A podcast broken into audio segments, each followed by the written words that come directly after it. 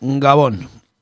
Hasi berri den urte honek dagoeneko aserrerako arrazoiak ekarri dizkigu justizia sistematik.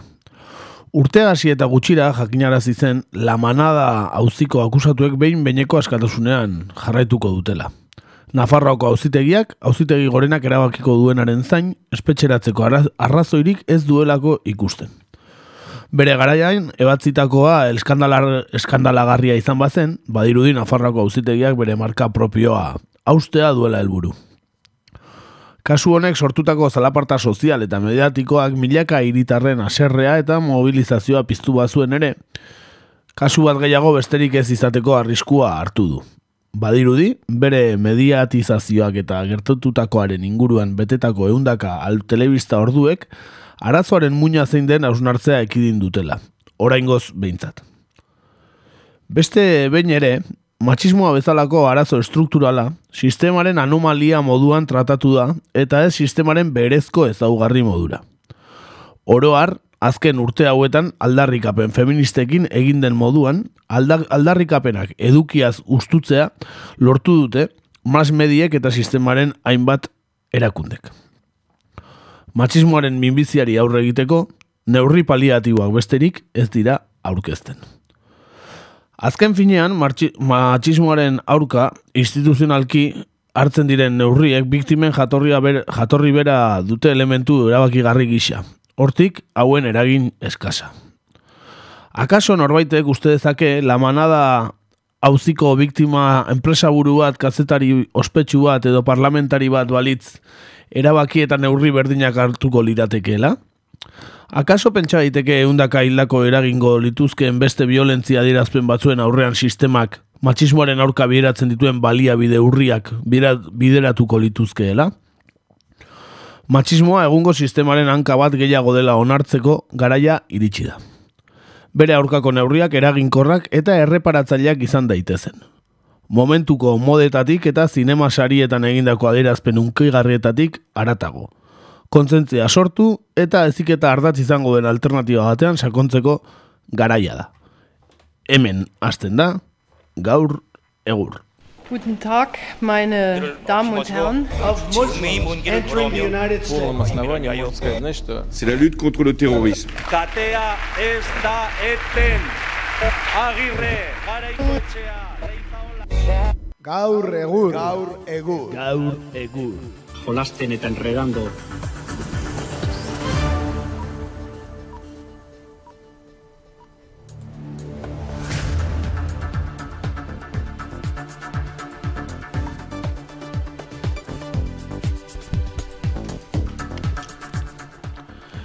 Beno, 2000 eta emeretziko lehenengo irratxaion aurkitzen gara, urtarriak zazpi gaur, astelena zuzen zuzenean kakaintzonako estudioetan gaituzue, ba, 2000 eta emeretziak ba, lehen aste honetan eman duena aipatzeko eta bestelako kontuak ere, bai, gaurkoan efemeride sakon batzuk ere izango ditugu.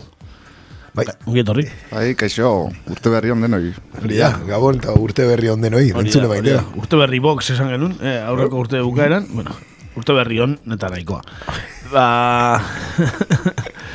eh, hori xe, hemen txe gaitu zuela, beste urte batez, eh, ba, 2019 hontan, ba, bentsate, denboraldiaren erdian edo gaudela esan daiteke, bueno, gutxiago, ez? Bi hiru hilabete egin genituen, ba, beste lauzpa bost hilabete geratuko zaizkigu. Hori da, lehenengo zatian aber zema prorroga egongo den ikusten ari gara. Hori da, hori da, ez dakit barra sartuko den eh, jokoan edo ez, ikusiko dugu.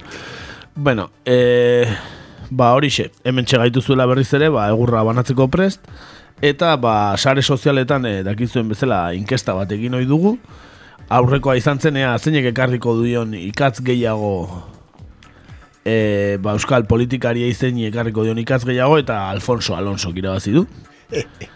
Eta gero geratu dira atzetik e, e, Asensio, ez? E, zera, errauskailu man, e, Asensio eta Maialen iriarte eta kuriosoa azpia zuri, eh? e, aurre kontu, kontu guztionekin inorrek ez diola bozkatu, eh? Inorrek ez zuen espero ikatza ekartzerik olentzero azpia zuri. Beti liberatzen da, eh? beti liberatzen da Bai, azpiaz. kontaktu onak izango ditu olentzeroen inguruan baita ere. e, bueno, ba, gaur beste galdera bat ekarri dugu, gaurkoa serioagoa. Izan ere, e, agian ikusiko zenuten gaur Arnaldo Otegik eh, soltatu duen eh, bomba elektorala, ezta? Bai, bai. Izan ere, Arnaldo Tegi gaurko prentxaurrekoan, esan du Espainiaren involuzio egoera ikusirik, Espainiako hauteskunde ba, orokorrei begira, aliantza zabala egiteren alde agertu dela. Agertu da, ez? Koordinatzaile nagusia, EH Bildukoa, gogoratu ezagun.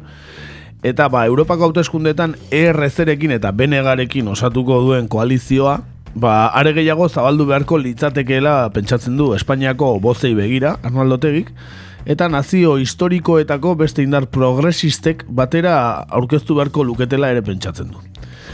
Hala, ba, Arnaldo Tegik e, iragarri du EH Bilduk proposatuko duela EAJ-tik kuperako aliantza bat osatzea.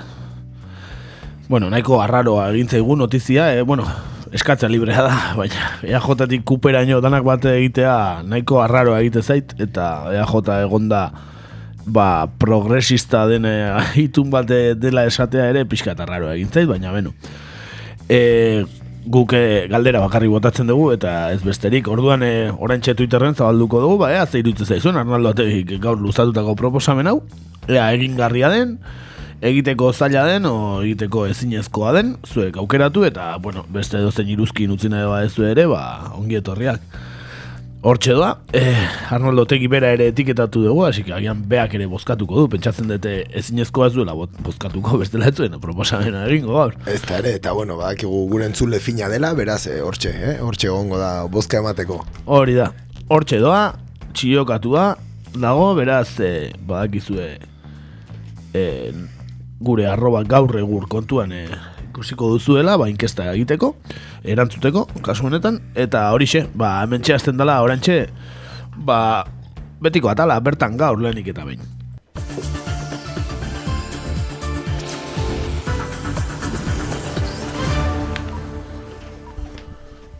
Bertan gau.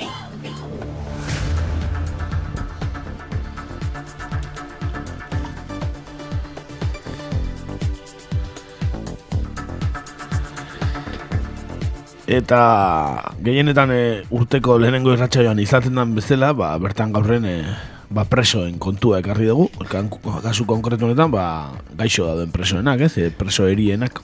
Ba bai, hain zuzen ere, bueno, Espainiako gobernuak eh, bertan bera, utzi du gaitz larriak dituzten presoak aske usteko iru barra 2008 instrukzioa.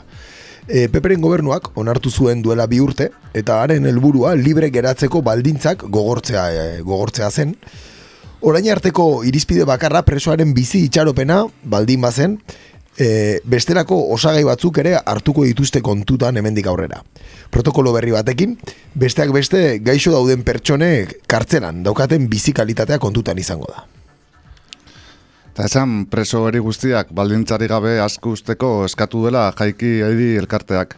Eta honen arira jaiki aidi mediku elkarteak ohartarazi du urteak paso pasatu ala handitzen ari dela gaitz larri eta sendazinak dituzten euskal presoen zerrenda hogeita bat presokoa da, entzuzen ere.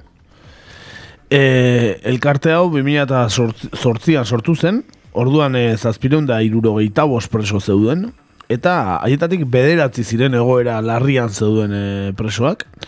Gaur egun berreun da irurogeita maoz preso daude, ia bosteun gutxiago, eta proportzioan ba, asko igo da e, preso ba, gaixoen kopurua.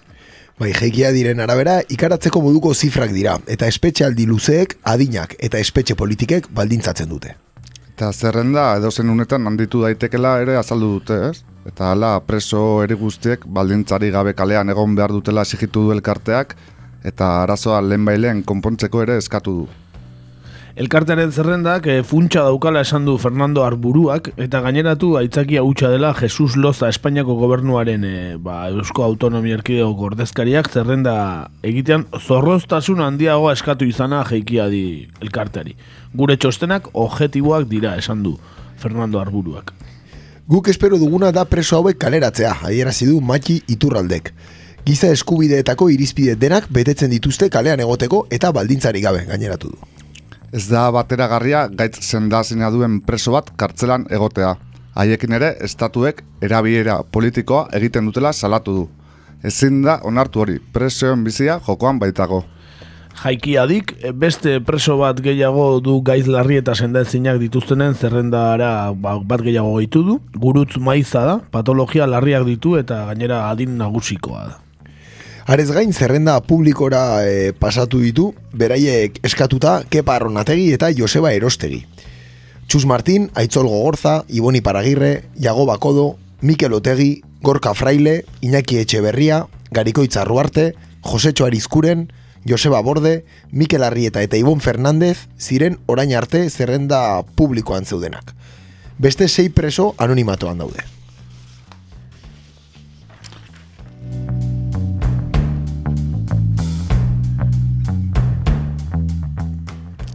Osabideak osasun eskubideen aldeko sendagien eta legelarien elkarteak ohar bat egin du. Uste du funtzean ez dagoela aldaketarik, formetan baizik. Honen ondorioz, hainbat gaixotasun larri sendaezin eta bizitzarako arrisku nabaria dutenak, kanpoan uzten ditu, elkartearen arabera, hoien artean ba, gaixotasun mental larriak dituztenak eta bar. Elkarte honek, ba, Espainiako gobernuak bertan bera utzi duen e, instrukzio horren arira, ba, beste instrukzio berri bat egin duenez, salatu du, ba, lege aginduak ez duela babes juridikorik, eta gauza bera gertatzen dela preso erien inguruan argitaratutako aurreko bi instrukzioekin ere. Irurak adok sortutako instrukzioak dira, marko legaletik kanpo, larriki gaixo edo ahultasun egoera berezian dauden pertsonen zigorraren etendura lortzeko aukerak baldintzatu edo eragozteko eginda dauden ba, hori instrukzioak direla. Beraz, ondorio estatu dute aldaketa forman datzala, ez mamian. Zigorraren krudeltasuna itxura aldatu dute haien arabera. Bi instrukzioek ideia bera konpartitzen dute. Gaixoek epe laburrean hiltzeko bakarrik atera behar dutela espetxetik. Aitzitik positibotzat jo dute gobernuak bere burua behartuta ikusi izana aldaketa hori egiteko.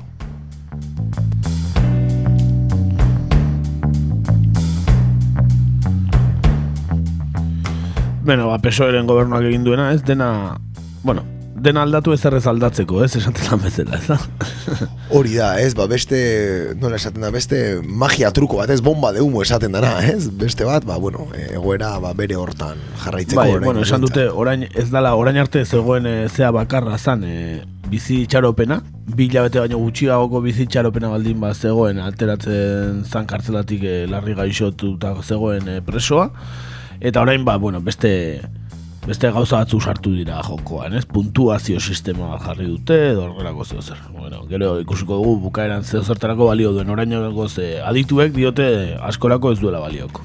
Bai, ala esaten dute, eta beste alde batetik, bueno, espetxetan dagoen bizikalitatea ere, ez? Kontutan hartuko dela, e, bueno, ez dago oso urrunera, ez? Ez dago oso urrunera joan beharrik, jakiteko estatuaren espetxetan ze bizi baldintzak dauden, ez? Oso orokorrean hitz egin da gainera. Bai, bai, gero telebista saioetan eh, Guatemalakoak eta El Salvadorrekoak eta emango dituzte bakarrik, hemengoak ez dituzte ematen, baina ikustekoak izango dira, hemengo presondegitako bizi baldintzak ere. Bai, desde luego, martutenen bertan, eh? Oso urrutira goan gabe, ez da? Bai, zabailakoa berria denez, eh, igual, hobeto da, baina hor ere ikusi egin behar. Ez da bakarrik eh, eraikuntzen eh, egoera baita funtzionarioen jarrera eta barreta. Bai, eta sistema internoa duari gabe.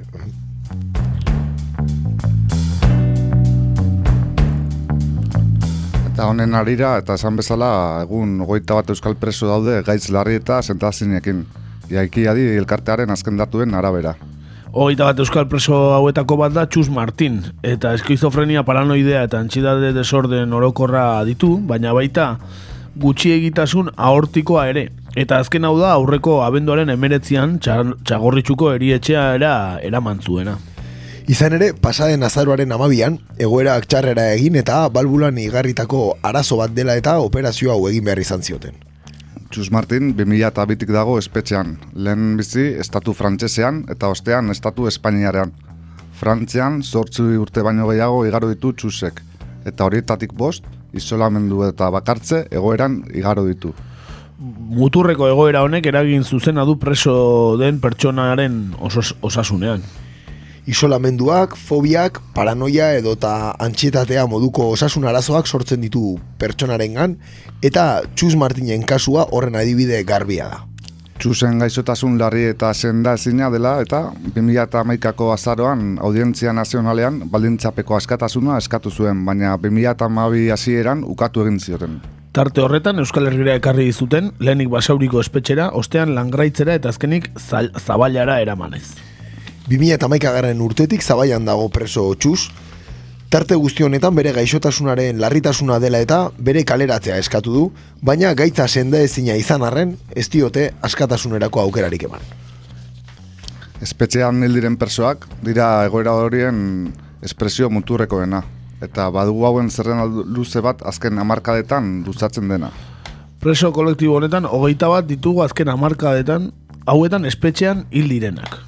Eta kontutan hartu behar dira ere espetxetik atera ondoren denbora laburrean hil diren preso gaixoak. Atzokoarekin amaika dira kartzelatik irten eta gutxira zendu direnak. Esan Juan Mari Maizkurrerena da zerrenda honetako azkena. Preso politiko hoi Hernaniarra atzo zendu zen, esan bezala, e, bere gaixotasun sendagaitzagatik, e, biriketako minbizia zuen.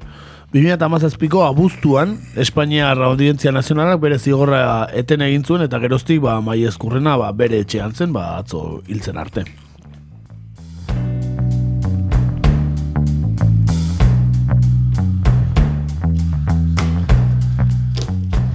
Bueno, benetan egoera larria, ba, preso e, gaixo larriek dutena, zeren egoera behar dugu, euneko asko handiagoa dena e, gaixotasunen bat duten presoak, ba, kartzelak berak eragiten dituen e, gaixotasun desberdinen gatik, eta hogeta bat hauek direla, benetan larri dauden presoak.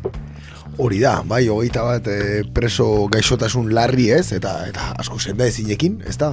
Baina hoxe, ez, gogoratzea ba, askoz gehiago direla pa- patologiaren bat dutenak, eta baita ere, kontutan hartzea, ba, preso politikoen kolektiboa geroz eta zaharragoa dela.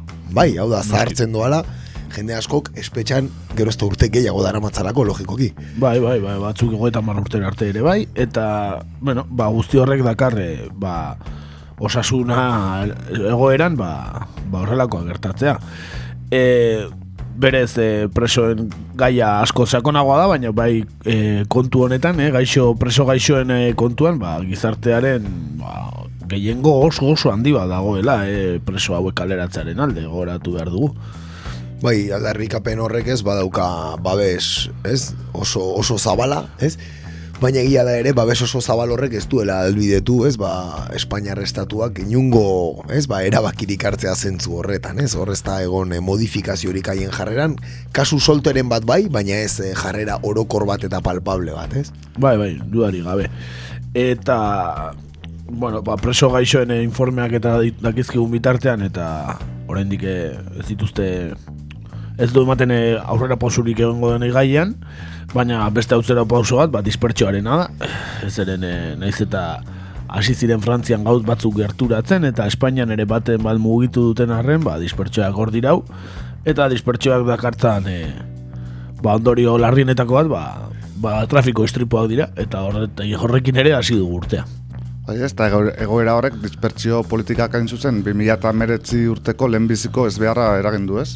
Eta joan zen aste artean, iaren batean, Arleseko espetxean etxetik zireun da irugaita bost kilometrotara dagoen garikoitz azpiazu rubina euskal preso politikoaren eskalaguna eta goi, goita iru hilabeteko semeak ez beharra sufritu zuten Arlesen bertan, bizita egin ostean. Auto batek zenideen autoa kolpatu zuen biurgun batean, beste kotxeko gidarea jendarmei deitzera ukatu zen eta gertaera agiria eman gabe alde egin zuen. Bikotea eta semea ondo suertatu ziren, e, zorionez, kalte larririk gabe, eta Euskal Herrirako bidaia jarraitzea lortu zuten. 2018a amabos zenide kaltetuekin amaitu genuen. Zazpi istrupu gertatu baitziren, gainera haietako batzuetan etzen pairatzen zuen lehen istripua izan bidaia luze hauek egiterakoan ez. Gogorarazi, e, berriki estatu frantsesak autetxien delegazioarekin eta Ipar Euskal Herriko eragileekin zituen elkarrizketak geldiarazi dituela eta gerturatze fasea amaitutzat eman duela. Beraz, ba, noiz, gerturatzea gehiago ez dauden enean, ba, istripu gehiago ere egotea, ba, ba, logikoa da, ez da? Logika horren barruan sartzen da, ba, astero dauden bidaia guztietan, ba, proportzioan, ba, istripuren ba, gertatzen delako. Oraingoan esan bezala aurreko astean e, Arlesen, Frantzian, eta gainera autoa kolpatu eta autoga galde egin, gainera, eh? Ondo. Bai, bai, ez da gainera lehenengo aldia, ez? Horrelako bat gehitzen zaiola, ez? Istripua izan eta gainera, ez?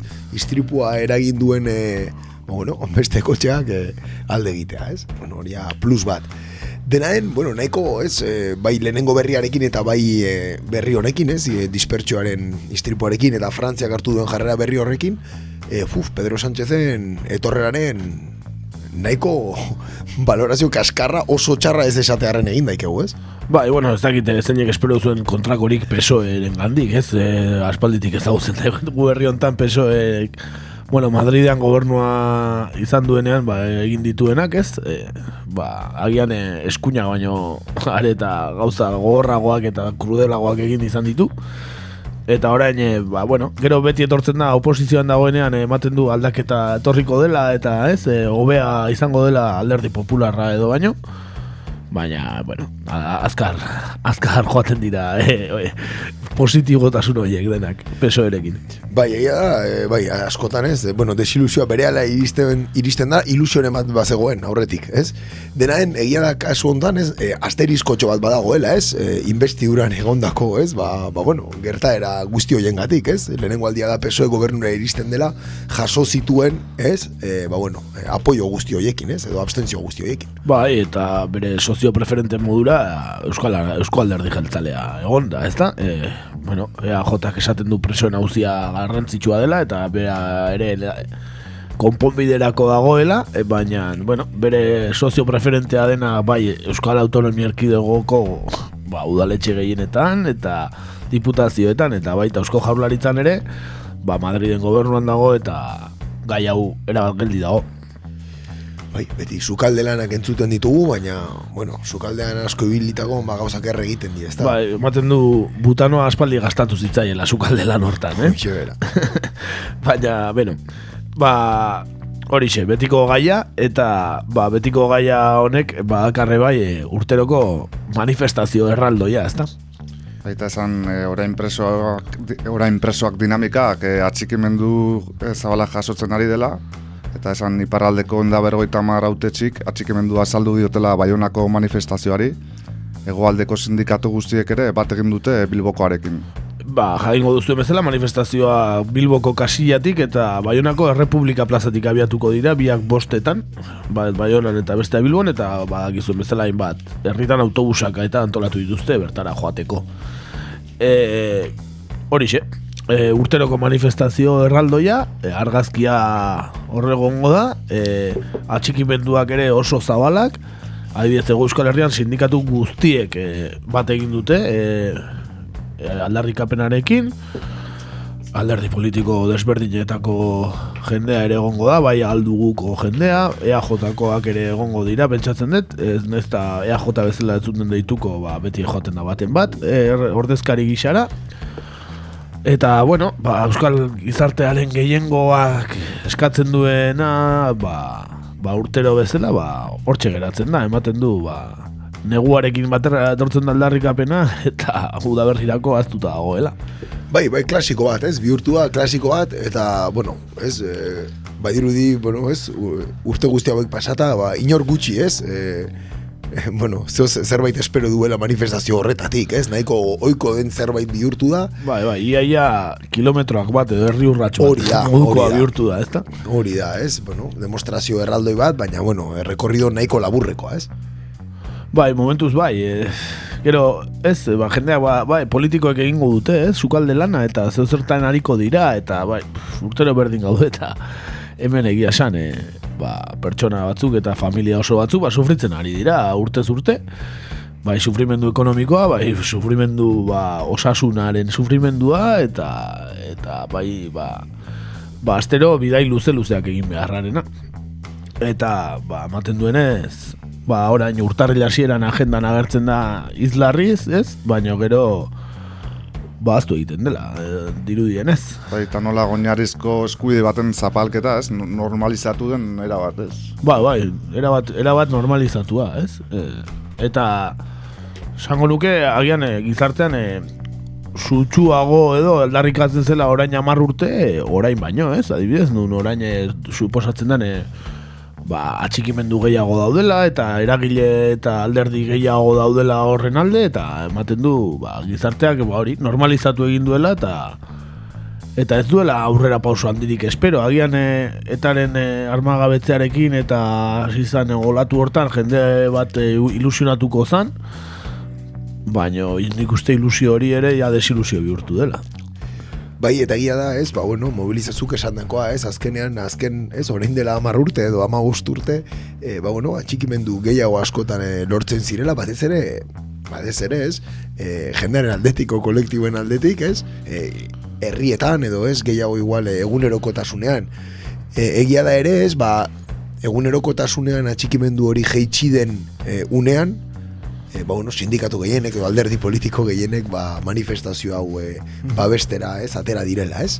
Bai, badirudi... Ko paradogikoa da, ez? Bai, badirudi kale, kalean e, beti egon den aldarrikapen bat, ba, instituzionalizatu egin dela eta instituzionalizazio horrek ekarri duela ba, kalean ere ba, indarra galtzea edo, ez? Ba, Ala dirudi, kalean ez da hain hilabetero egiten dira konzentrazioak adibidez, e, pla, herriko plazetan, eta, bueno, ez dut uste goraka egin duenik naiz eta txikimendu gehiago jaso erakundeetatik, ez da? Ez da gutxiago ere. Bueno, ba hemen egongo gara. e, pe- ea 2000 eta hogeian, e, urtarrilan, e, beste zeo zer aipatzen dugun e, 2000 eta emeretzi, eta 2000 eta emezortzi, eta 2000 eta amazazpikoen e, desberdina, zeren momentuz, ba, ba urteroko berri, berdinarekin hasi gara. Eh? Bai, klasiko bat eberere, eh? gaur egurren klasiko bat. Eh, Era bateko, era batekoa. Bueno, ba, nik uste danak esan da daudela, beraz, ba, bestitxo batekin bertan gaurren atala utziko dugu. E, Joseba Irazoki eh, azken disko atera du, Joseba Irazoki eta lagunak, eta ba, bertako abesti bat ekarri dugu, e, gezurrezko bizia izena duena, eta ba, entzun dezagun, ba, orain e, bila bete ateratako disko berri berria, labetik atera berria, gezurrez, gezurrezko bizia, Joseba Irazoki eta lagunak.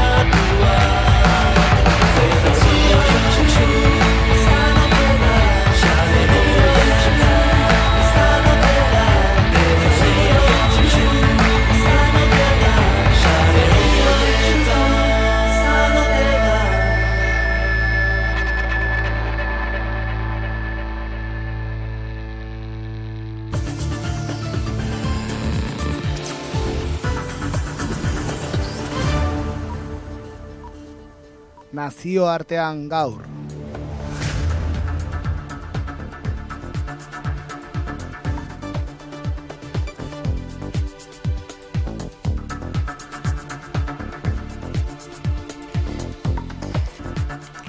Bai, eta gaur naziona, nazioartean e, kubara joko dugu. Eta azteko ba, historia pixka bat. Eta ipatu nola e, kubako lehen biztanleak zibonei guana jabei eta geroago heldu ziren arauak, e, indiarrak, indigenak, hain zuzen izan ziren. Cristobal Kolonek bere lehen bidaian kubako kostaldea aztertu zuen, baina konkista etzen mila bosteun da maika urtera arte hasi. Esan bezala, mila bosteun da amaikagarren urtean hartu zuten egoitza lehen Espainiarrek uartean, Diego Velázquezen gidaritzapean, Hernán Cortés, Bernal Díaz del Castillo, Pedro de Alvarado, Bartolomé de las Casas eta irureun bat soldadu egon ziren bertan.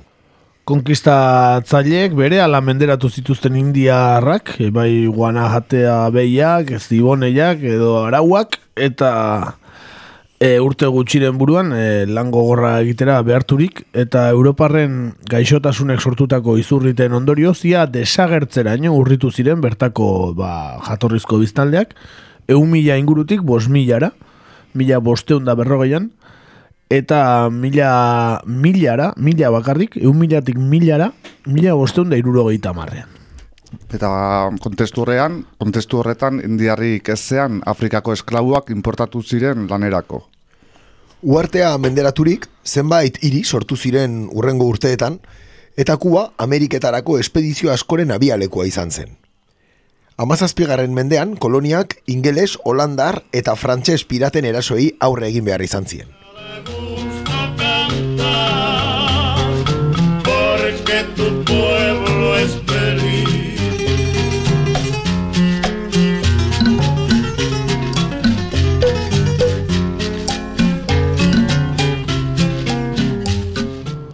Urrengo mendean berriz, emezortzigarren eta emeretzigarren mendeetan, hain zuzen, Kubak azukre kanaberaren ekoizpena, esklaboen importazio eta azukre industria izan zituen ekonomiaren aurrera bide nagusi. Eta emeretzigarren mendearen erdialdean, bertako azukre industria munduko aurreratuena zen, eta estatu batuak zituen bezero eta finantzatzaile nagusiak. Mia zortzireun eta irurogeita bostean, esklaboen salerosketa debekatu zen, eta Mexikoko indiarrak eta txinatarrak kontratatu ziren lanerako. Baina esklabotasunak indarrean segitu zuen, mia zortzireun eta irurogeita zortzi arte. Emeretzigarren mendearen bukaeran, Espainiarekiko harremanak gaiztotu ziren eta matxinada batzuen ondoren, mila zortzireun da irurogeita zortzian, hasi zen independentziaren lehen gerra. Amar urteko gerra bezala ezaguna, Carlos Manuel de Cespesen eh, gidaritzapean.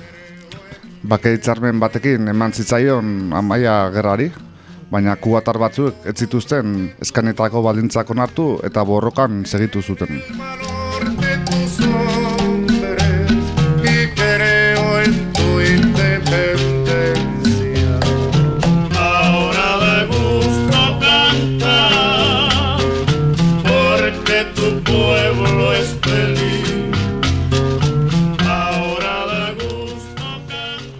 Beno, manetazko sarraskia kuban egintzena, e, lau mendeetan zehar, ezta? Karagarri. Ikaragarria, eun milatik milara e, jetxi zen bertako biztanleria natiboa, ez? E, irurogei urteetan. Benetan, sarraski ikaragarria. E, Kolon, kolonialismoaren historia, ez? Bai, bai. Hori da. Hori da. Ba, pentsa, e- eun, mila, eun milatik milara, ba, pentsa, eun, euneko bata geratu zen, ez? Biztanleen euneko bata geratu zen. E- eta kolmorako, ez, hango biztanleri guztia eh, erail ondoren importazioko, ez, beste kolonietako esklabuak eramaten zituzten, Hori ez? da, Afrika, Afrika beltzetikan, ez da? Hoxe. Bueno, ba hori, kolonialismoaren historia, ezeinetan Euskaldunok ere, bueno, ba, jarri genuen gure aletxoa, eh? Gure zigilua. Bai, hori da. Desde luego, desde luego. porque tu pueblo Esan bezala, bueno, ba, batzuk eh, bake hitzarmenarekin eh, ziren bat etorri eta borrokan jarraitu zuten. Eh, Haien artean, ba, Jose Martí idazle eta politikariaren eh, gidaritzapean, e, artean estatu batuetan erbesteratuta zegoen, askapen mugimendua antolatzen hasi ziren, mila zortzireun da larogeita amabian, Kubako alderdi iraultzaia sortu zen, eta mila zortzireun da amabostean independentziarako bigarren gerra piztu zen. Mila zortziron da larogeita mezortziko otxailan, lehertketa baten ondorioz, Habanako portuan zegoen estatu batuetako US, USS Main gerra ontzia ondoratu zenez, apirilaren hogeta bosten estatu batuek gerra deklaratu zioten Espainiari. Eta estatu batuetako gudarosteak erraz menderatu zuen Espainiakoa. Eta Parisko itunean Espainiak Kuba, Puerto Rico, Guan eta Filipinak utzi behar izan zizkien estatu batuei. Hortikan, eh, se perdió en Cuba, esa era, ez da? La, laro eta mezortziko sarrazkia da. Bai, hori da. Duari gabe. Eta programa bat, eh? telebista botatzen dutena, ez da? Mas Bai. se perdió en Cuba, interekonomia, no? Parche eta guzti, ez? Hoxe bera. Agur bat, Partxe- agur bat hemen digan, ala? Da, agur bat, bak, entzule finak direla. Pirata horre. Esan bezala, bueno, estatu batuak kuban egon ziren denboran, e, mila bederatzireun da larogeita bederatziko apiriaren, oza, barkatu, mila zortzireun da larogeita bederatziko apiriaren batetik, mila bederatzireun da biko maiatzaren hogei arte, beren hezkuntza, ekonomia eta kultura ezartzen alegindu ziren. Hala ere mila da batean konstituzio errepublikarra onartu zen. Nazioarteko hitzarmenak, ekonomia, barne arazoak, estatu batuen mende zeuden arren, eh? nazioarteko hitzarmenak, ekonomia eta barne arazoak. Estatu batuen menpe, baino lehen eh, konstituzio errepublikarra onartu zuen mila da batean kubak. Eta honetaz gainera, ontzi base bana ezarri zuten bata baia ondan eta bestea Guantanamon. Eta ba, gero beraz, beretaz hitz egingo dugun eh, referente ba, nagusietakoa den kubako, ez? Ba, martirekin batea agian, ez? Ba, Fidel Castro, komandante. Ba, bere audio bat ekarri dugu, eh, ba, Jose Martí bera, berberaren, ba, ba, idatzi bat irakurtzen eskutiz bat uste dela, eta hemen daukagu Fidel Castro Ruz. El 18 de mayo de 1895, José Martí, apóstol de nuestra independencia, escribió a su amigo Manuel Mercado, ya puedo escribir, ya estoy todos los días en peligro de dar mi vida por mi país y por mi deber, de impedir a tiempo con la independencia de Cuba que se extiendan por las Antillas, los Estados Unidos y caigan con esa fuerza más sobre nuestras tierras de América. Cuanto hice hasta hoy y haré es para eso.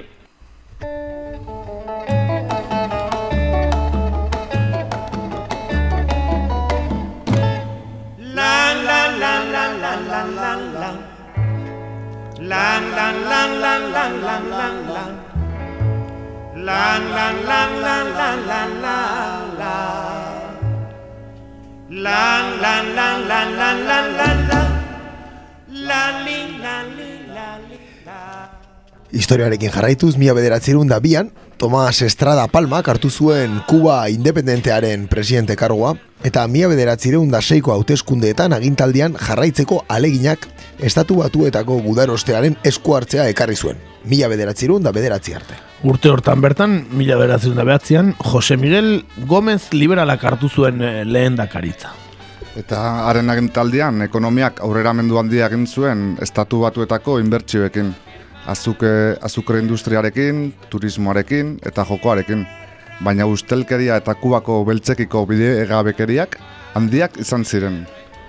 Beste gobernu ustel batzuen ondoren, mila bederatzirun da hogeita mairuan, Ramon Grau San Martín irakasleak eta Fulgencio Batista sargentuak lehendakari eta udarostearen buruzagi kargoak hartu zituzten, urren ez urren. Urren urteetako gobernuak eh, Batistaren eskumenean egon ziren, mila bat da berrogeta amabiko kolpe militarra jo, eta aginpidea eskuratu zuen eh, ba, Batistak berak,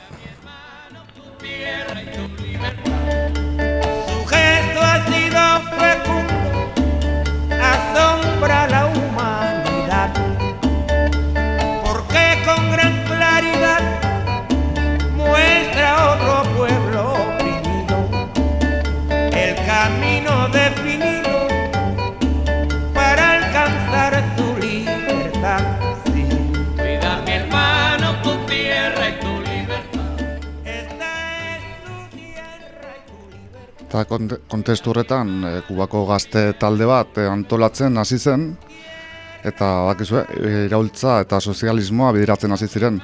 Eta Fulgencio Batistaren kontrako posizioa zabala zen, unibertsitateko ikasleak, langileak eta herri mailako klasea, besteak beste. Eta testu inguru horretan, mila behartzen da berrogeita mairuko ustaiaren nogoita zeian, Monkadako kuarteleko asaltoa izan zen. Eta hortik, Movimiento 26 de Julio delakoaren sorrera, eta bizardunak, e, gero bizardunak bezala e, izen ez, ezagutzera ziren talde rebeldearen sorrera. Eta gero, mila beratzen da bergoita maseiaren bukaeran, ea Castrok e, kartzelatik atera eta gero, Fidel Castro abokatuak Sierra Maestrako mendietan babes harturik dikta, diktadoreari aurre egiteko gerria antolatu zuen. Eta entzun dezagun Fidel Castro bera e, Sierra Maestran e, irratitikan e, izketan. Después de 76 días de inquietante batallar en el frente número uno de la Sierra Maestra, rechazó y destruyó virtualmente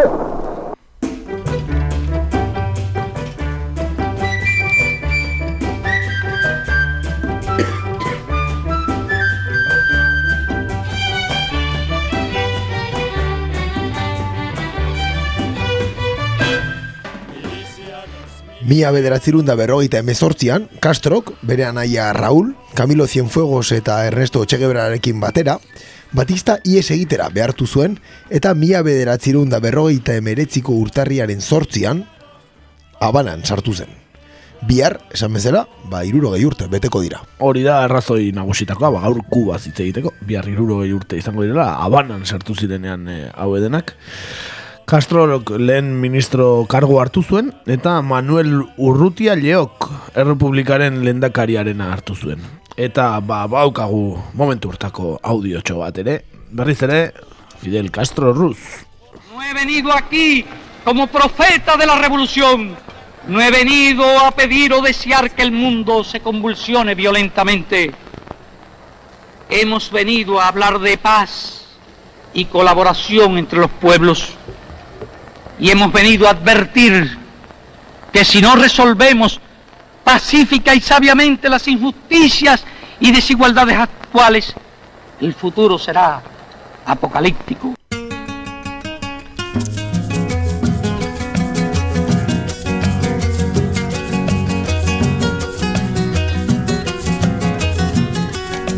El hombre de mente clara, el hombre de pecho entero, pierde la vida antes que perder su credo. Primero dejar de ser, primero dejar de ser, primero dejar de ser que dejar de ser revolucionario. Mila bederatzen da berrogeita maeretziko ustaian, Osvaldo Dortikosek hartu zuen lendakari kargua. Mila bederatzirun da irurogeita batean, talde iraultzaile Kubako irautza sozialistaren alderdi batua sortu zuten, irurogeita bostetik aurrera Kubako alderdi komunista izan zena. Kubak Sovietar batasunaren sozialismo hartu zuen eredutzat eta lankidetza hitzarmenak izenpetu ziren bi herrialde hauen artean. Eta Kubako gobernuak nekazaritza reforma egin eta lurrak nekazarien artean banatu zituen. Banketxeak, azukre industria, atzerritaren ondasunak eta industria nazionalizitu zituen. Hezkuntza, alfabetatze kanpainak eta irigintzaren erreforma bultzatu zituen besteak beste. Aldaketa horien ondorioz, estatu batuen eta kubaren arteko harremanak gaiztotu egin ziren. Irurogeita batean, estatu batuak uartea mendean hartzen aregindu ziren kotxinos badian eta merkataritzaren blokeoa kubara esportatzeko debekua eta erregimen berria eraisteko konspirazioak bultzatu zituen. Eta aurren urtean, e, giro ba, gogor hortan, tentsio go, gu, une horietan, bilatzen dira tabian, JFK, John Fitzgerald Kennedy, gure laguna zen estatu batuetako lendakariak, Sovietar batasunak kuban ezarriak zituen misilak kentzeko agindu zion kubari, eta kendu ezean uarte hartuko duzuela mehatxatu zuen. Eta mila dairu eta bian bertan, estatu batuek ala eskatuta Amerikarra estatuen erakundetik kanpora bota zuten Kuba, ez? Eta Amerikako herrialde gehienek Kubarekiko harremanak hautsi zituzten. Halaber, irurogei, irurogei tamargarren urteetan, Kubak gudarosteak bidali zituen Afrikara, Angolara eta Etiopiara batez ere Sovietar batasunaren estatu bezeroei laguntzera. Asiako egoekialdeko iraultza mugimenduak ere bultzatu zituen Kubak. Eta mila bederatzireun da irugoita mabostean, Kubako alderdi komunistaren lehenengo biltzara gintzen. Eta mila bederatzireun da irugoita maseian, konstituzio sozialista onartu zen. Urte hartan bertan ospatu zen lehenengo nazio biltzarra eta bertan Fidel Castro komunisten buruzagia hautatu zuten estatu eta gobernu buru.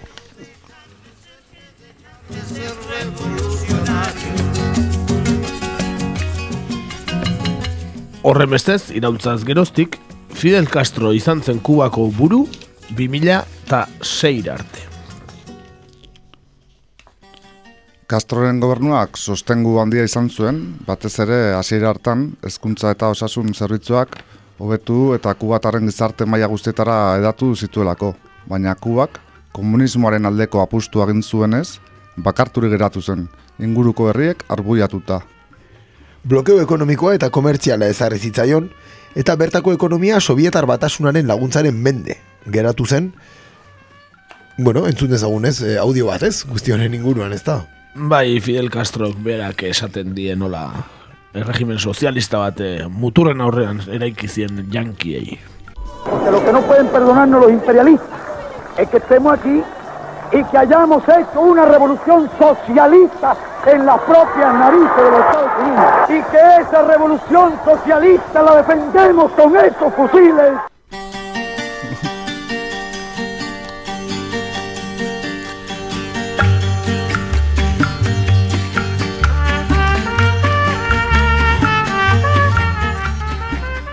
Sekula barkatuko ez ziotena, eh? Muturren aurrean eh, horrelako erregimen sozialista bat eraiki izana.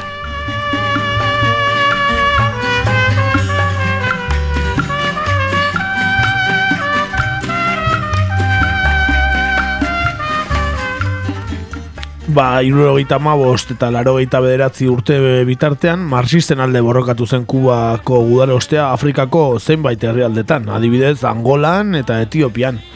Eta laguntza eman zien Latinoamerikako eta Karibe inguruko zenbait herrialderi. Nikaraguari, Guayanari edo Grenadari, besteak beste.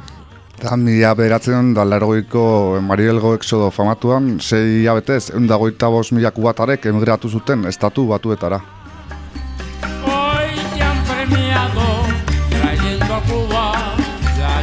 Libertad. Fui torturado muchas veces por el tirano que así saciaba su sed de sangre en la juventud. Baina laro egarren amarkadaren bukaeran, ba, Sovietar batasunaren eroriera, ez, iritsi zen eta epe berezia baita ere. E, urtetan zehar, Sovietar batasunak laguntza politiko eta ekonomikoa eskaini zion kubari, laro gehi arte, lau mila eta sei mila milioi dolar artean, bueno, inguru artean, bai? Eta kuba arekin lorrokatuta zegoen, horren ondorioz. Baina Sovietar batasuna desegin zenean, zailtasun ekonomiko larriak jasan behar izan zituzten kubarek. Laro eta bederatzean, Sovietar batasunean aldaketa politikoak abian jarri zirenean, e, Kubak ez zion bide bera jarraitu eta are bakartuago gelditu zen munduan e, Kubako erregimen sozialista. Azkenik, Sovietar batasunaren gainbera etorri zenean, haren laguntza galdu zuelarik, ba, arazo ekonomiko larriek itota gelditu zen kuba. Eta bestalde, mila behar ziren batan estatu batuek ezarri zioten blokeoa are gehiago indartu zen. Ondorengo urteetan eta arazo larriak sortu ziren ari aurre egiteko. Adibidez, laro mabian, nazio batuen erakundeak baimen, baimendua bertan bera geldi zedin eskatu zien estatu batuei, baimendua barkatu, eta baina egoerak bere horretan jarraitu zuen eta emigrazio mugimendu handiak gertatu ziren, bakubatik estatu batuetara bereziki balsero haiek famosoak, ezta? Bai, laro gehieta malauan kubatik ies egiten alegindu ziren oldeak ikusirik, Kubako gobernuak eragozpenik etzuela jarriko iragarri zuen, baina estatu batuek ezin zuten onartu alako emigranten multza handia eta mugak itxi zituzten. Eta azkenean, bi herrialdeen arteko hitzarmen bat sinatu zen eta emigranten arazoari irtenbidea eman alizateko. Laro maseian, estatu batuek Helms-Burton legea eman zuten Kubako erregimenaren kaltetan. Naiz eta adibidez Europar batasuna bera lege horren kontra agertu zen. Laro mezortzian, Juan Pablo Bigarrena aita santuak bisitaldia egin zuen Kubara eta gobernuak zenbait preso politiko askatu zituen. Estatu batuek Kubaren kontrako neurriak malgutu zituztelarik, bi herrialdeen arteko harremanak bera egin zuten, naiz eta tarteka istiluak eh, sortzen ziren. Bestalde, hogeita bat garren mende hasieran, Kubak harreman estuak zituen hainbat herrialderekin. Txina, Rusia, Mexiko, Venezuela, Argentina, Bolivia eta Espainiarekin besteak beste. 2006an, Fidel Castro ordura arte lehendakari orde izandako Raúl Castro bere anaiaren eskutan utzi zuen agintaritza behin behinean osasun arazo batzuk zirela medio. 2008an legebiltzarrak lehendakari hautatu zuen Raúl Castro, Fidelek behin betiko kargoa utzi ondoren. Entzut ezagun legibiltzarrean Fidel Castro eman zuen azken diskurtsoaren e, zatitxo bat, zeren e,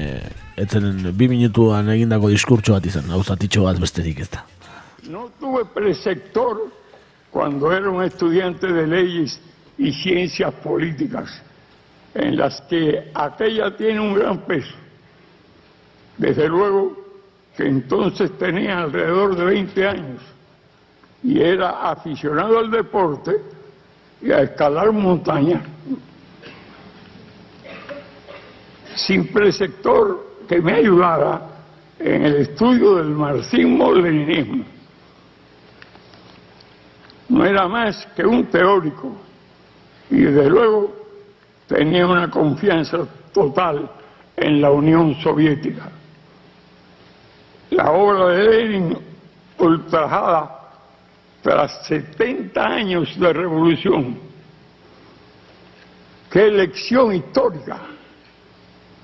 Se puede afirmar que no deberán transcurrir otros 70 años para que ocurra otro acontecimiento como la revolución rusa, para que la humanidad tenga otro ejemplo de una grandiosa revolución social que significó un enorme paso en la lucha contra el colonialismo y su inseparable compañero, el imperialismo. Pronto deberé cumplir 90 años.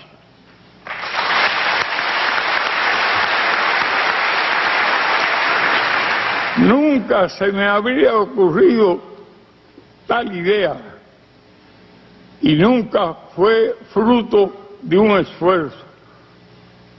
Fue capricho del azar. Pronto seré ya como todos los demás. A todos nos llegará nuestro turno, pero quedarán las ideas de los comunistas cubanos. A nuestros hermanos de América Latina y del mundo debemos transmitirle que el pueblo cubano vencerá. Tal vez sea de las últimas veces que hable en esta sala. He votado por todos los candidatos sometidos a consulta por el Congreso y agradezco la invitación y el honor de escucharme. Los felicito a todos y en primer lugar al compañero Raúl Castro por su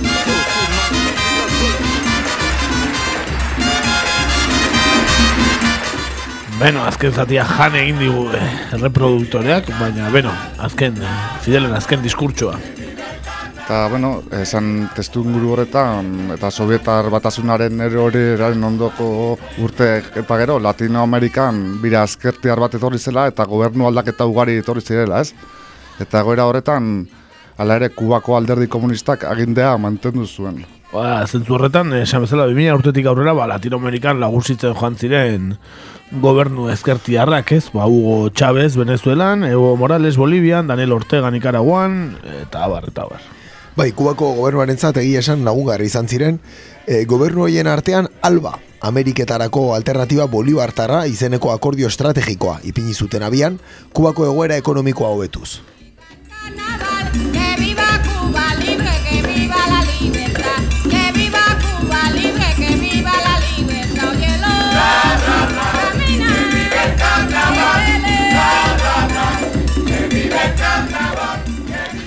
Eta esan bezala ez, e, gero berriz ere urten, bueno, e, Kuba ekonomikoki gorantz ari zen urte horietan, e, nola ego, Amerikako egoera horrek, eta petrolioaren jetxiera horrek, diruaren jetxiera horrek, e, berri, berriz ere atzera egoera bat eragin duela. Eta Miguel, Miguel Diaz Canelen aro berria testu inguru horretan etorri da ez. Miguel Maria Diaz Canel Bermudez, plazetas, Bila Clarako probintzian mila behatzen da irugaiko aprian hogeian jaioa, kubatar ingenari eta politikaria da. Eta esan bezala gaur egun kubako presidentea bera da.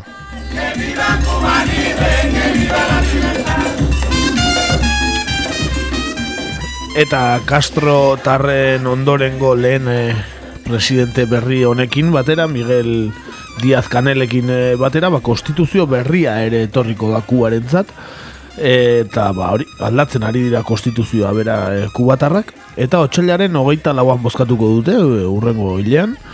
E, eta bertan jabetza pribatuko lanpostu berriak arautuko dituzte. Eta adibidez ba, Raul Castro garriskutzat jotzen baditu ere ba, lanpostu arautu hauek priba, jabetza pribatuarenak ba, erronka direla ere uste du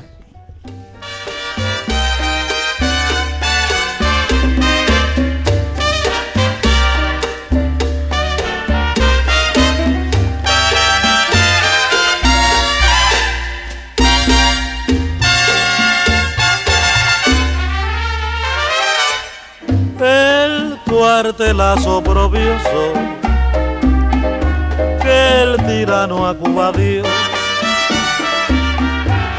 10 de marzo tenebroso del año 52. Bueno, errepaso bikaina egin diogu kubaren historiari eta kubar iraultzari, ez? E, bai, Europan eta esango nuke Euskal Herrian, ba, erreferente oso handiak izan dira, izan da, erreferente oso handia izan dela kubako iraultza, ez da? Karri zuen guztiarekin eta gero, ba, karri zituen, ba, borroka armatuaren e, ba, talde desberdinentzako ba, erreferente bat izan zelako kubako iraultza ura, ez da? zalantzari gabe, ez? Eta iraultza bat ere, ba, bueno, mundu osoaren txat, ez? E, azkenean, e, bueno, estatu batuen Fidel Castro bere diskurtsoan esate zuen bezala, ez? Estatu batuetatik edo biztan dauzkaten estatu batuetatik, ez? Ba, mila gutxitara horrelako proiektu bat aurrera eramatea eta proiektu horrek irautea, ez? E, ba, bueno, mila bederatzi da, ez? Berrogite meretzitik, okerrez bali banago, ba, ba, bueno, gauza, gauza liugarria da, ez? Oso, oso zaila da hori ulertzea, areta gehiago ikusita, e, Ameriketan, e, batez ere go Ameriketan ikusi ditugun gauza guztiak ikusita, ez? Bai, eta, eta blokeo gogor bati aurre eginez, eh? E, zeren, e, edo zein e, rankinetan Amnistia Internacional edo bestelako rankin pilo batetan Kuba nahiko goran dago beti, bai ezkuntza e, doakoa eta kalidade handikoa duelako, bai osasunerako bidea ere biztanleria guztia duelako doan, eta abar eta abar, eta bizibaldi, bizibaldintza ta, e, bueno, tasa batzuetan edo ez, indize batzuetan oso oso goran dagoen herrialdea da, naiz eta blokeo ekonomiko oso bortitz bat jasan. Bai, eredugarria ere badela izan, esan dezakegu ez. E, medikuntzan eta ez, arlo hori guztietan, hezkuntzan eta, bueno, e, bak egun bezala munduko beste hainbat e, lurraldetara eta batez ere txirorenetara, nora e, bolondresak bidaltzen dituen kubak, eta, Bai. bueno, kapazidade hori duen herrialde bakarra dela esan dezakegu, ez? Ba, bai, eta baliabide gutxirekin e, nolako hezkuntza eta nolako osasun e, zerbitzua eraiki duen. E, baliabide gutxirekin, esan ere, ba, adibidez, medikamentu batzuek e, ez, du, ez dira sartzen kuban, e, medikamentu espezifiko batzuk, eta bar, eta ala ere osasun gintza bikaina daukate. Zarantzari gabe, eta hor badago datu bat, ez, aurreko, gure aurreko denboraldian, ez, e, kubaren inguruko beste saio bat egin genuenean komentatutakoa, eta da kubak, e, bueno, ba, medikuntza edo profesionalak esportatzen dituela, eta horretatik lortzen dituen diru sarrerak turismotik lortzen dituenaren doblea direla, bai, medikuntzan edo arlo medikuan espezializatutako jendea esportatuz. Bueno, ez dut uste beste herrialderik munduan egongo denik hau esan dezakena. Noski ez ez, eta gainera beti e, kubataz, bueno, gauza asko daude kubataz ez, ba, diktadura bat dela, e, preso politikoak daudela, bueno, e, askotan Kuba e, saiatzen da konparatzen e, ba, beste herrialde mota batzuekin, adibidez Europako herrialdeak edo Amerikako estatu batuak, nun diren herrialde asko handiagoak eta ez, e, ez da konparatzen Kuba ba, inguruan adibidez e, Kariben dauden beste isla batzuekin edo Erta Amerikan dauden ba, bere tamainako herrialdeekin, ez? Eta hor, e, konparazioa, bueno, e, beretan e, izugarria da, ez? Bi herrialde, ez? Herrialde, maila berdineko herrialdeetan, ba, Kubak aurreratu duena, eta eta beste batzuk nun dauden, e, ba, benetan e, izugarri izko konparazioa. Bai, eta konparaketa egi- egitekotan egin beharko lukete koloniak izan diren beste estatuekin, ez? Me, ez metropoliekin hain zuzen ere, Hori egiten dute, ez? Behin eta berriz, eta esaterako Haiti, hor dugu kubaren bizilagun, ez? Eh, O bai, Dominikar Errepublika, Jamaikarekin, Hori da. e, beste uarte guzti horiekin, eh, Guatemalarekin, El Salvadorrekin, bueno, ez, e, hor konparaketa batzuk egin daitezke, Belizerekin, eta o, nahiko argi dago konparaketa horiek interes batengatik ez direla egiten, ez? Noski, noski. Gero kuriosa da, beste aldetik, okerrez bali manago, hemen komentatu genuen aurreko denboraldian, e, 2008 garren urtean, kubako umeen mortalidade indizea estatu batuak zuenaren azpitik zegoela. Ba, bai, esan beharrekoa. Edo estatu batuak, ez, munduko herrialde importanteena eta e, e, askatasunaren ia sortzaileak e, sinisten dute direla. Ba, adibidez, e, e, ezkuntza eta osasuna ez da doakoa. Eta, eta estatu batuetako pobrek, ba, ez daukate ezkuntzarako sarbiderik eta ez daukate osasunareko sarbiderik. Beraz, e, askatasunen herrian, e, ba, nahiko kontraesankorra kontua. Zalantzari gabe, eta gero beti ez, omititzen den, beti hor dagoen, baina omititzen den datu bat. Eta kubanen inguruan hitz egiten denean, beti, aipatu ba, nere ustez behintzat, ez, aipatu beharra dagoen lehenengo elementua, da blokeo ekonomiko baten pean bizi direla, orain dela irurogei urte. Hau da, e, ez dago beste herrialderik munduan hori pairatu duena, ez? Eta, eta desarrollo hau euki duena. Bai. Eta iragan kolonial hori, ez? Lehen aipatu dugun iragan kolonial hori, eske azpimarratzeko da, zeren kubak eh, adibidez izugarrizko arazoak ditu eh, bai nekazaritzan eta bai beste bat alorretan, baina esan barra dago, arazo horren muina koloniar garaiti datorrela, ez? Dana mo monokultiboz, bakizue azukar kaina beraz, eta bar eh, bete zuten herrialdea, eh, lehenago, lehenagoko landaga, landakeria eta dana deus estatu, ez? Eta o, azkeneko irugei urteetan kubako iraultza horri buelta ematen nola saiatu den, ez? Mhm, Bai, la reforma agraria, ez? Famosoa, ez? Hori. E, ba, zer gehiago esan, Kuba ere urtero nunbaitetik ateratzen zaigun herrialdea da. Eta posten gea, eta posten gea gaina, onerako dan bitartean. desde Eta luego. seguro berriro etorriko dela, ba, konstituzio berri bate, ba, e, aurrera atera behar dutelako, eta ikusko dugu, ze aldaketa dakartzan guzti horrek kuban, batez ere esango nuke turismoaren alorrera begirako konstituzio berri bat izan daitekela. Bai hor oso importante izango da, ez, estatuak, ez, eta estatuko aparatuek honi emango dioten enfokea. Bai, hau da, e, oso gauza e, planifikatua eta oso gauza e, zehatza izan barra dauka, ez, eskuetatik ies ez egiteko, ez? Orduan, bueno, hortxe, eh, Raul Castro esaten zuen bezala, ba, beste erronka bat gehiago, ez? Baina, bueno, erronka zaleak dira kubatarrak, ez? Esan Bai, bai, dudari gabe. Beno, ba, kubarekin bukatzeko, ba, abesti eder bat, abesti ederrak entzuten ibili gara tartean, ezta? Eta orain, ba, abesti oso entzungo dugu, ba, Septeto Nazionalena eta Carlos Pueblarena. E, y en eso llegó Fidel, ezta? Zeren iritsi zen Fidel eta hogeita sei, ustaiak hogeita sei mugimendoa, ez? O 26 de julio, eta dena aldatu zuen, Kuban. Se acabó la diversión. Hemen txeba.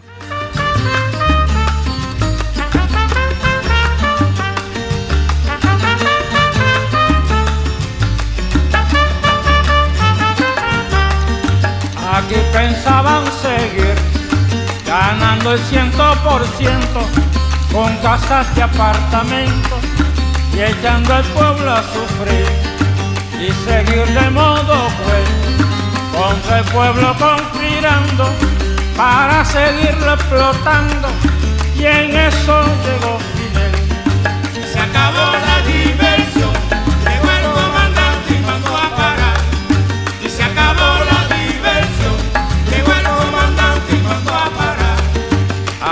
pensaban seguir, tragando y tragando piedra, sin sospechar que en la sierra se alumbraba el porvenir y seguir de modo cruel la costumbre del delito, hacer de Cuba un garito, y en eso llegó Fidel. Y se acabó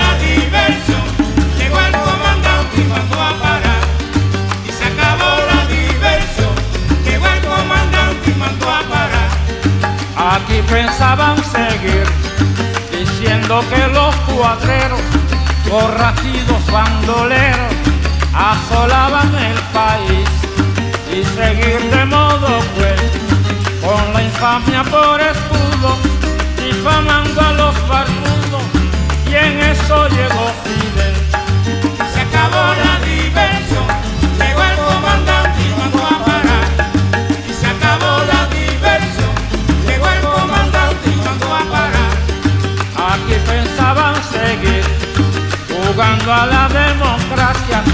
pueblo que en su desgracia se acabara de morir.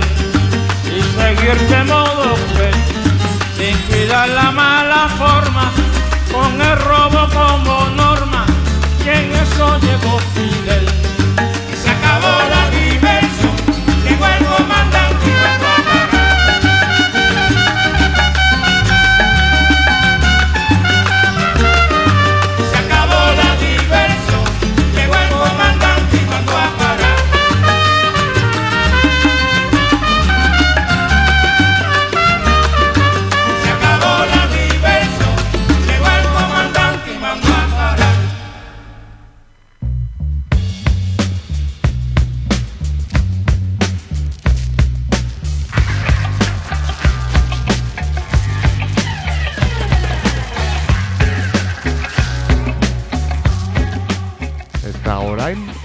efemerideak.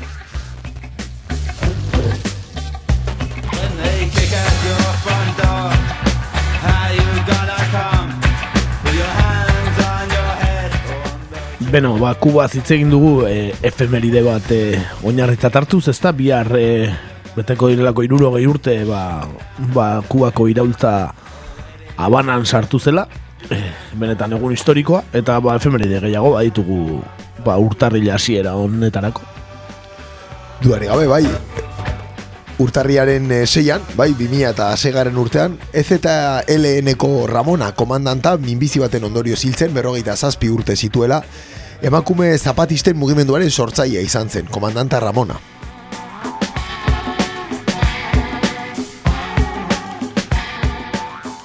Eta urtarrian, urtarriaren zazpian, baina mila bederatzeren dagoita bian, Londreseko ituna sinatzen da, non Irlandako estatu librea ezartzen den.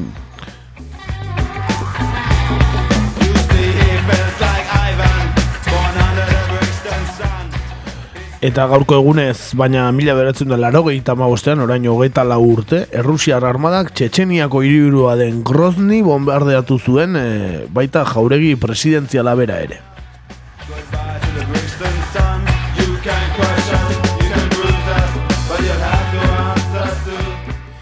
Bimia eta maostean urtarriaren zazpian ere, Charlie Hebdo aldizkari satirikoaren kideen aurkako atentatua izan zen Parisen. Orain lau urte, gogoratuko dute entzule gehienek pentsatzen dut, egun dura ez da.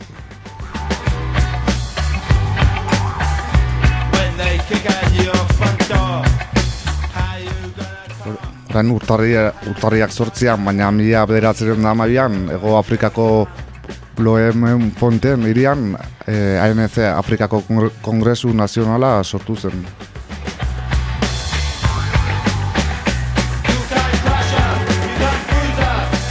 Eta esan bezala, ba, bihar irurogei urte, Kuban Fidel Castro eta bere kideak La Habanan sartu ziren, haien tropekin batera eta kubartar iraultzaren garaipena aldarrikatu zuten.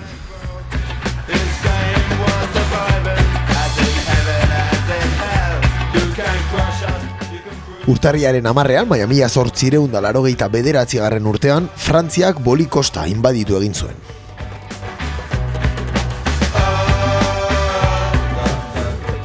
Eta mila bederatzireun dagoita sortzian, Leon Trotsky eta alderdi komunistako beste goita markide Sovietar batasunetik kanperatuak izan ziren.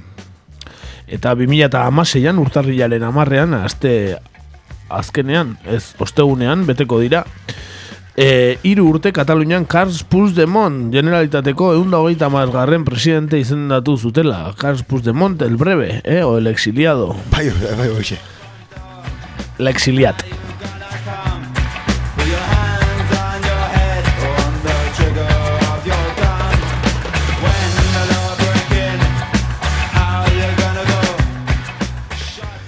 Eta urtarriaren amaikan, e, ba bueno, e, 2000 eta bian, Kubako Guantanamon estatu batuek duten base militarrera lehen hogei presoak iritsi ziren, ba bueno, terrorearen kontrako gerra horren ondorioz. Bai, Dios. Irakeko gerra horren ondorioz, ba, peto naranjaz josi zuten Guantanamo. Horia, Dick Cheney, George Bush eta Condoleezza Rice eta bueno, guzti horiek gogoratzen gara, ezta? Bai, danak, eh, zeruan, zerura joango diren, eh, jainko, ez, aingeru, aingeruak.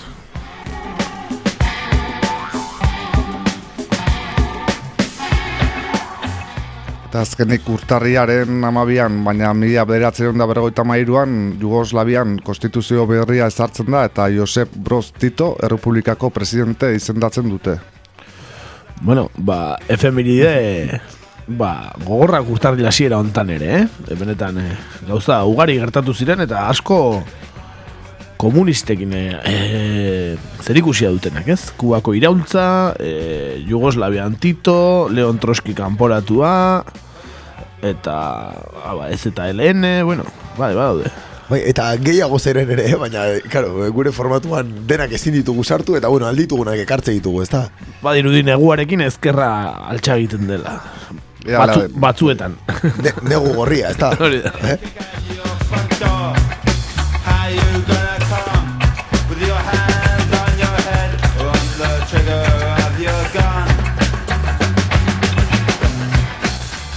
Ba, guazen eh, sare sozialekin.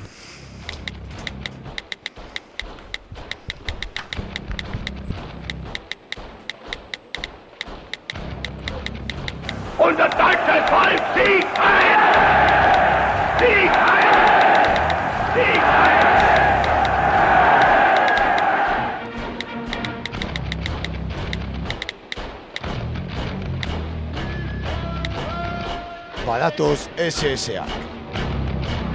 Sare sozialetan egur.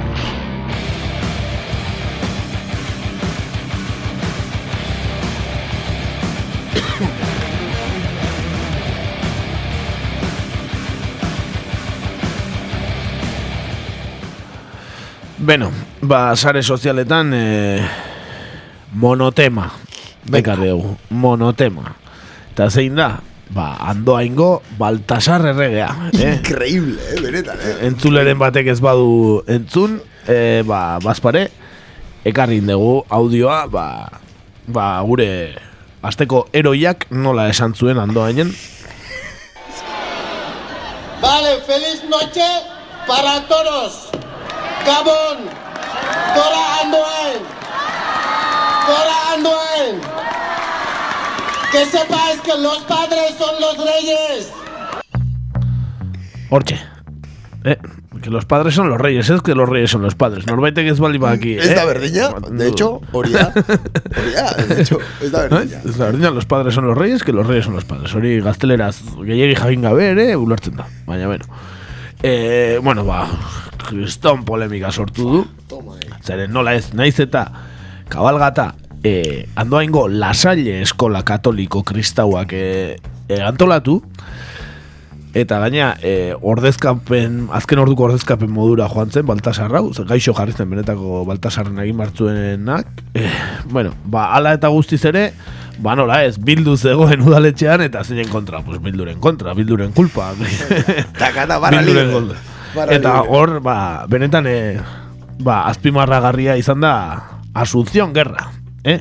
E, andoaingo alderdi popularreko kontzejala izana, Eta besteak beste orain Gipuzkoan alderdi popularreko eh, responsable de política social, igualdad e inmigración y sanidad. Igualdad e inmigración, eh? La responsable da. Asunción guerra, bai. Bastante guerra emango bai. Eta ala, ala jartzen. Esta es la morralla que contratan los bilduetarras con el dinero, dinero de todos los andoaindarras para destrozar la ilusión de la noche de Reyes a los niños. Bueno, o sea, bueno. Toma ya, eh? Toma ya, toma ya. Izan da, ba, ba hori, eta batek adibidez erantzun dio Andrés Santrinek. A ver, que el chaval se ha confundido, no sabe hablar bien castellano. Quería decir que los padres mandan y se ha liado. No os pongáis a haceros los ofendidos y terminéis haciendo el ridículo como Cayetana con Carmena. Ez bazate gogoratzen, eh, ba, ia ze doain dela bi urte, ba, Cayetana, zai, nola zan, alderdi popularreko beste, edo ciudadanosikoa zan, ez da hit. Ez diz gogoratzen nire, ba, Zinegotziren batek edo, ba, Santiago Carmena, esto no te lo voy a perdonar jamás, eh? eh ba, ba, desfilea intzutelako errege, bueno, ba, pixka aldau intzutelako errege. Bai, uniformea, ez, bueno, bai, jantzia. Ba, gero eh, historikoa izan zen, bai, que soy Copérnico. Que soy Copérnico. Oso ona izan zen, bai. Hortan. gogoratzen, oso ona, eh? Bueno, ba, antzekoa, ba, Asunción Guerra que erantzun iten dio gaina. Pues que no contraten gente que no saben ni hablar si, y sino que estén calladitos, saluden y tiren caramelos y para casa. Bueno, benetan, eh. Bueno, alderdi Eh, popularreko zinegotzi erabat arrazista, eh? Topatu dugu. Barkatu, esan, barra dago, eh? eh? Pues que contraten a gente que no saben ni hablar. Que biak kubakarrik idatzita daude, eh? Azteko. Bai, bai, ondo goaz. Bueno, mintzat kordon sanitario izeneko batek ondo erantzun dio esan dio, xenófoba despreciable. Lotxagarri, eh? Benetan, benetan lotxagarri, benetan lotxagarri. Bueno, ultraeskuina aspalditik dagoenaren seinale, ez? Hor. Bai. Bueno, beste batzuk humoretik hartu dute adibidez izarra taldeak esan du. El rey Baltasar está claro que es de Bildu y proetarra. Ese acento vasco no engaña. Eta batek erantzun dio, lo mismo he pensado yo al oírle, este acento es de Neguri fijo. Eta ya beste argi, batek argitu dio, hombre, Hombre, más difícil sería que fuera de Neguri votante de Bildu.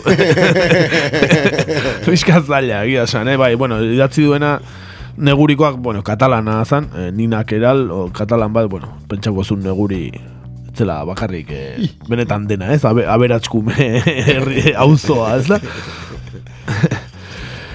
bueno, eta gehiago daude, eske gero beste polemika ikaragarria izan da, eh, ba, eh, ba, ala, bueno, eh, komunikabide digital bat edo, prensa digital edo, dala Mediterráneo digital. Eta albistea olaxe ezan titularra. Un negrata se hace pasar por el rey Baltasar y la lía en la cabalgata de Andoain. Bueno, Hola, komunikabide ofizial batek, eh? Un negrata. Benetan. Bai, Lamentable, baina. Eta ya batek erantzun dio, ya podéis pedir el 155 para Euskadi, payasos. bueno, ez dakit zati, baina urtero dago polemikaren bat eh, errege kabalgatakin, eh? Ez? Urtero. Hombre, bai, bai, beti dago zerbait, egia, eh, beti, beti gertatzen da zerbait, eta ala ere nahiko harrigarria da, telebistan politikariek esaten dituzten gezur guztiak entzunda, gizon hau naiz eta e, adene desango balu egia esaten ari zen. Barkatu, eh? Ez Bai, bai, bai. Eh, eh, gure entzulen artean igual batemak gelditzen da erregeak ez, ba, bueno, eh, mirrarekin eta inciensoarekin eta urrearekin etortzen direla pentsatzen duena, baina, horrela, da, berak- Bueno, gure entzulen artean baldin badago baten bat, jakin dezala, gurasoak direla erregeak. Hori da, gurasoak dira erregeak. Etxean gurasoak dira. erregeak iristen diren etxeetan, Hori eh? da, hori da. Ba, Beste etxe batzuta ez da iristen, olentzero iristen da. Olentzero, ez olentzero, ona, ez dakigu zer dan, baina. Eixe bera, eh? Eixe bera. eh, ala ere, ba, argitu nahi izan du bere kontua, eh, ba, andoaingo errege, Baltasar errege honek, eta entzut ezagun, eh, ba, bere argibideak entzun ditzagun. Era eso, ah, pasa, al final es mal, ma- era malentendido. Pasa, mi intención no era para hacer mal, para decir que ¿Qué querías decir? yo quería decir que los padres son los reyes de casa, son los que mandan en casa. Bueno, benetan eh, argi geratu dalakoan eh, gaude, ezta? Zalantzarik gabe, eta de hecho hori da esan zuena balkoian ere, eh? Los padres son los reyes. Hori da, ez los reyes son los padres. Eh, ez da, bueno. Bueno, benetan polemika polita, eh, jende bat, eh, eske benetan erregen kontu honekin batzuk zut- zutu iten dira, eh, benetan, eh, Eta, eta gero endola, ez, horrelako anekdota batek, ez, atera dezaken hori bai dela morraia, ez, e, hor jendearen tartean, ez, dagoen morraia ideologiko guzti hori, ez? ez? Xenofobia eta arra, arrazismoa kabalgata bateko voluntario baten kontra, baina burua Bai, bai, bai. dugu. Bai, bai. Gero beste batek idaztezun ez du ekarrizatik i- irudia zan, baino con estas polémicas siempre me acuerdo de, del, del facha que tuvo que hacer de negro en, eh, nola da, en, En Hogar Social Social Madrid. Madrid. Eta irudia jartze zuen, eske benetan aurpegia, bere aurpegia zan, benetan ez badezu ikusi, ikusi, eh? El rey Baltasar de Hogar Social Madrid, eh? Ba, norbait despi- despistatuta bali mago, Hogar Social Madrid, Madriden dagoen e, komila tarten e, etxe karitatibo bat da, ultra eskuina gestionatutakoa, eta bakarrik behaiek espainola konsideratzen dituztenei janaria ematen dietena. Hori da, hori da. Eta, bueno, eta edifizioa zan, eh, ez da izan. El nodo- el el nodo nodo de de, egoitza. egoitza, eta, bueno. Udaletxak utzitako edifizio batean daude, eh? Esan Bai, behar. hori da. Eta, bueno, ba, errege kabalgat antolatu zuten, eta bate ditu gauztzen, ba, aurpegia beltzez pintatu eta baltasaren egitea, eta, bueno, ba, bere, bere aurpegia etzan lagun handien. Ez zegoen oso gustora egia zen, eh? benetan ikusteko argazkia. Bueno, ba, horixe, genuen gaurkoz, eta besterik ez, datorren astean hemen izango gara, gustora egongo zinetelakoan entzule, eskerrik asko horregatik. Hori da, eta hurrengo astean entzuten gana, bitarten gaiztok izan. Eta hurrengo astean gehiago. Hori da, hurrengo astean gehiago, azken abesti bat ekarri dugu, ba, Siberuatik zuzenean Siberruts taldea handia eta beraien Euskal Vibration, así que, bueno, reggae edo reggae jungle pixkatekin, hemen txauzten zaituztegu, eta gozatu eta torren asten arte. Agur, ondo izan.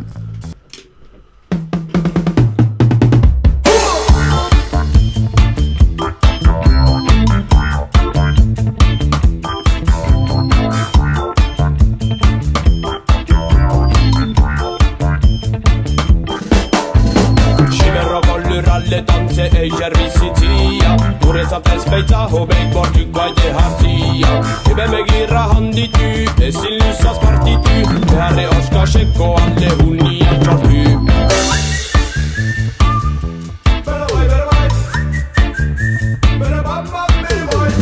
Askia jesaldurrik ez baita oro berde Mendian inbelian itxoskerria gorde Mundia kambiatu gizona Ertzotu biardez lagun bat badik behar